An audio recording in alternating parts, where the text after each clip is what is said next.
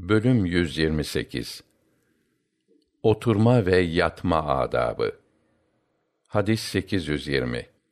Abdullah İbni Yezid'den Allah ondan razı olsun rivayet edildiğine göre Rasulullah sallallahu aleyhi ve sellemi mescitte bir ayağını diğer ayağının üzerine atmış sırt üstü yatarken görmüştür.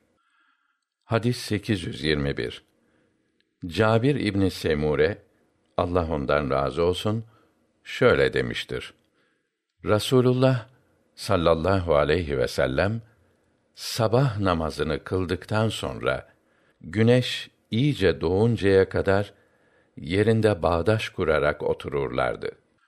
Hadis 822. İbn Ömer Allah onlardan razı olsun Rasulullah sallallahu aleyhi ve sellemi Kâbe'nin yanı başında elleriyle dizlerini tutarak şöyle otururken gördüm dedi ve uyluklarını karnına dayayıp kollarıyla dizlerini tutarak ve kaba etleri üzerine oturarak Rasulullah sallallahu aleyhi ve sellemin oturuşunu tarif etti. Hadis 823 Mahremenin kızı Kayleden Allah ondan razı olsun Rasulullah sallallahu aleyhi ve sellemi dizlerini karnına dayamış, elleriyle dizlerini tutup kaba etleri üzerine oturmuş vaziyette gördüm.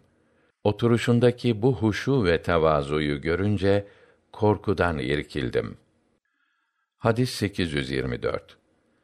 Şerit İbni Süveyd Allah ondan razı olsun şöyle demiştir.